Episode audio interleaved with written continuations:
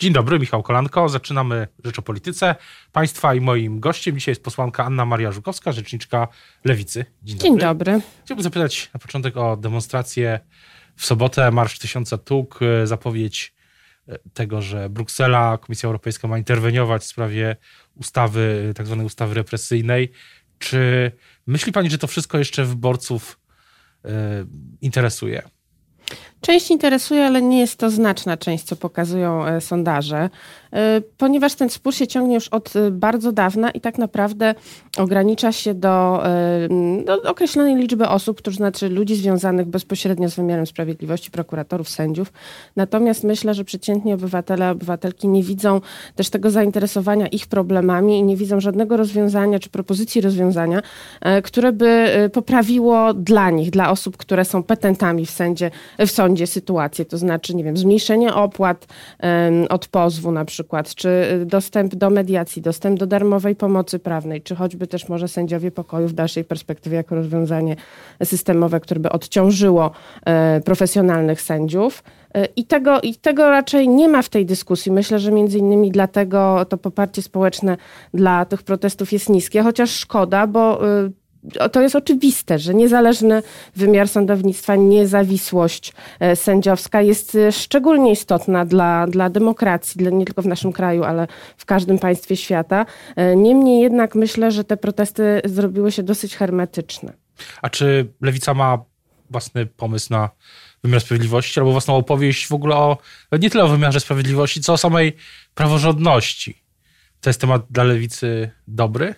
To jest temat, który jest, tak jak powiedziałam, bardzo istotny dla demokracji, w związku tym, z tym również dla socjaldemokracji, czyli dla, dla nas, dla lewicy.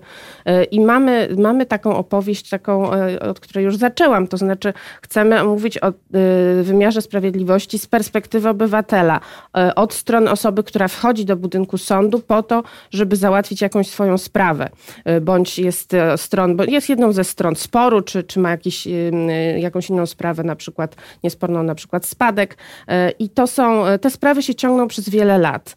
E, myślę, że też niestety wielu sędziów nie umie podchodzić w odpowiedni sposób do osób, które przychodzą do sądu, nie tłumaczy wyroków, czyta tylko i wyłącznie artykuły czy paragrafy odczytując wyrok i często taka osoba, która słyszy orzeczenie, nie wie, czy wygrała, czy przegrała, nie rozumie tego, a sąd nie uważa za stosowne, żeby jej to wytłumaczyć, bo uważa, że no, prawo powinno się znać. Nie, prawo oczywiście, że jest paremia ignorantia juris nocet, e, czyli nieznajomość prawa szkodzi, ale to nie oznacza, że tego prawa nie należy tłumaczyć na prosty ludzki język wszystkim obywatelom, którzy do sądu przychodzą. Ale gdy wyborca słyszy hasło lewicy, tego szerokiego projektu lewicy, nowoczesne państwo dobrobytu, to myślę, że wyborcy z tym hasłem kojarzą inne rzeczy niż nowoczesny wymiar czy e, sprawiedliwy wymiar sprawiedliwości, e, tylko gdzieś w, tej, w tym jest chyba to na którymś dalszym planie. No, może to jest taki y, punkt nieoczywisty, ale on jest bardzo silny i był w naszym programie i w kampanii wyborczej. Prezentowaliśmy y, kalendarz przywracania praworządności. Jedną z tych rzeczy, która była w tym kalendarium, już zrobiliśmy, złożyliśmy ustawę y, umożliwiającą złożenie ślubowania trzem wybranym sędziom, w ogóle sędziom później z Trybunału Konstytucyjnego przed marszałkiem Sejmu lub Senatu, po to, żeby umożliwić to ślubowanie, bo niestety, jak wiemy, pan prezydent Andrzej Duda tego ślubowania przyjąć nie chce i dlatego mamy taką sytuację, jaką mamy z sędziami dublerami w Trybunale Konstytucyjnym i z tymi trzema, którzy nie mogli złożyć e, ślubowania, więc my bardzo poważnie traktujemy temat praworządności, tylko że nie bardzo tak wybiórczo, ale szerzej, bo musimy spojrzeć na reformę, e, która jest konieczna, bo jeżeli nic się nie zmieni i w podejściu sędziów, i w tym, że te sprawy dalej będą tyle trwały, e, dalej będzie dostęp do wymiaru sprawiedliwości, co jest jednym z podstawowych praw człowieka, dostęp do, do wymiaru sprawiedliwości, będzie ograniczany przez na przykład wysokie wysokie koszty sądowe, to myślę, że też no, nie będzie takiego, takiej solidarności ze wszystkimi protestującymi, jak podkreślam, w słusznej jak najbardziej sprawie e, przez, wszystkich, e, przez wszystkich Polaków, bo to niestety tak wychodzi w sondażach, że ten, to poparcie nie jest tak wysokie, jakbyśmy tego oczekiwali. A wspomniała Pani o prezydencie Andrzeju Dudzie. No i narzuca się samo, narzuca się, narzuca się pytanie, czy w ogóle ten komponent, e, ten element sporu politycznego w Polsce, jakim jest spór o praworządność, też będzie się przenosił na spór już w tej trwającej prekampanii, już za kilka tygodni kampanii wyborczej. No, na pewno, dlatego że teraz mamy ustawę kagańcową, która jest w Senacie, która trafiła w grudniu po, po, po skandalicznym procedowaniu 24-godzinnym w Sejmie e, I, prez, i trafi ona w końcu na biurko prezydenta. Pan prezydent Andrzej Duda będzie musiał zdecydować, czy e, taki kształt, jaki, no, mam nadzieję, że Senat po pierwsze to odrzuci, no ale wiemy, że wraca to do Sejmu i niestety nie mam wątpliwości, co, co dalej Prawo i Sprawiedliwość z tym zrobi. E, I to będzie jeden, jeden z elementów kampanii, bo ta ustawa nie powinna być wprowadzona. Ona ma bardzo niebezpieczne e, przepisy, takie, które są niespotykane wcześniej w polskim systemie prawnym. Zastępcę pierwszego e, prezesa Sądu Najwyższego, osoba, która, czyli nie, pełni funkcji, nie jest prezesem, jako taka osoba zastępująca mogłaby wchodzić do bardzo wielu organów konstytucyjnych, bardzo ważnych z punktu widzenia demokracji, Trybunał Stanu, e, Krajowa Rada Sądownictwa i powoływanie czterech członków PKW. Więc to są bardzo ważne sprawy ustrojowe i to na pewno będzie element kampanii. Ale co będzie jeszcze elementem kampanii lewicy, mówiąc konkretniej? Y, Robert Biedroń w sobotę, w niedzielę, przepraszam, ma być konwencja y, w Słupsku i tam y, poznamy inne elementy, poznamy w ogóle kampanię, takie wizję kampanii Roberta Biedronia, czy to będzie dopiero wstęp? Na pewno wstęp, bo nie będziemy wszystkich kart odsłaniać po kolei, ale myślę, że symboliczne jest to, że wracamy do Słupska, wracamy do tego umownego miastka z, z artykułu y, profesora Gduli, czyli miasta, które nie jest pierwszoplanowym miastem polskim, o którym nie czytamy codziennie na, pierwszej, na pierwszych stronach gazet, ale jest miastem ważnym. Tam mieszkają ludzie, tam mieszkają ludzie, którzy głosują, którzy często są, mają niesłusznie przypisywane różne stereotypy y, i y, to będzie bardzo, bardzo ważne odniesienie w naszej kampanii wyborczej. Te mniejsze miasta, miasta niegdysiejsze wojewódzkie y, będą w, na pewno w centrum naszej kampanii. Nie tylko aglomeracje, nie tylko, nie tylko y, ta klasa wielkomiejska, y, ale też średnie, średnie małe miasta będą bardzo istotne i dlatego też symbolicznie zaczynamy w Słupsku, co mam nadzieję przyniesie szczęście nami Robertowi Biedroniowi, bo tam już został prezydentem. A czy myśli pani, bo wspomniała pani o tej klasie, o wyborcach z dużych miast, o wielko, o wielkomiejskich wyborcach y, lewicy. A czy jest jakiś, czy to jest tak, że lewica musi dokonać w ogóle, nie tylko w tej kampanii prezydenckiej, ale powiedzmy w ogóle przez najbliższe lata wyboru, że albo walczy o tych wyborców w dużych miastach, no jednak powiedzmy sobie szczerze, z Platformą y, Obywatelską czy z koalicją, albo szuka elektoratu w średnich miastach, tak jak chce go odzyskać, tam gdzie być może straciła go na rzecz innych e, partii, nie tylko na rzecz koalicji czy platformy. No, my się będziemy wybór? raczej starali to e, uzupełniać, żeby to było komplementarne wobec siebie. Nie będzie tak, że zrezygnujemy z wielkich miast po to, żeby ruszyć do małych, albo odwrotnie. Chcemy być obecni wszędzie, i w małych, i w średnich, i w dużych miastach. Oczywiście na wsi też bardzo chętnie, aczkolwiek wiemy, że tam rzeczywiście dominuje Prawo i Sprawiedliwość razem z PSL-em. To nie będzie takie proste, ale i tak nie odpuszczamy. Jest dużo mniejszych miejscowości i również wsi, gdzie lewica e, ma poparcie. E, mogę pokazać przykład choćby z Mazowsza, z okolic Grójca, Grójec e, i powiat grujecki. Mamy tam swoich radnych powiatowych, także lewica również w takich mniejszych miastach, miasteczkach, powiatach także zyskuje wyniki wyborcze i zyskuje poparcie, więc myślę, że jest na to szansa, na odbudowę lewicy także w mniejszych miejscowościach. A jak na tym tle wygląda, rozmawialiśmy przed chwilą o kampanii 19 stycznia jest konwencja. Pewnie do, w najbliższym czasie też kilkanaście dni jeszcze pewnie minie, zanim pani marszałek Witek ogłosi termin kampanii. Jak na to się nakłada e, konsolidacja lewicy, to znaczy konsolidacja wiosny i e, Sojuszu Lewicy Demokratycznej.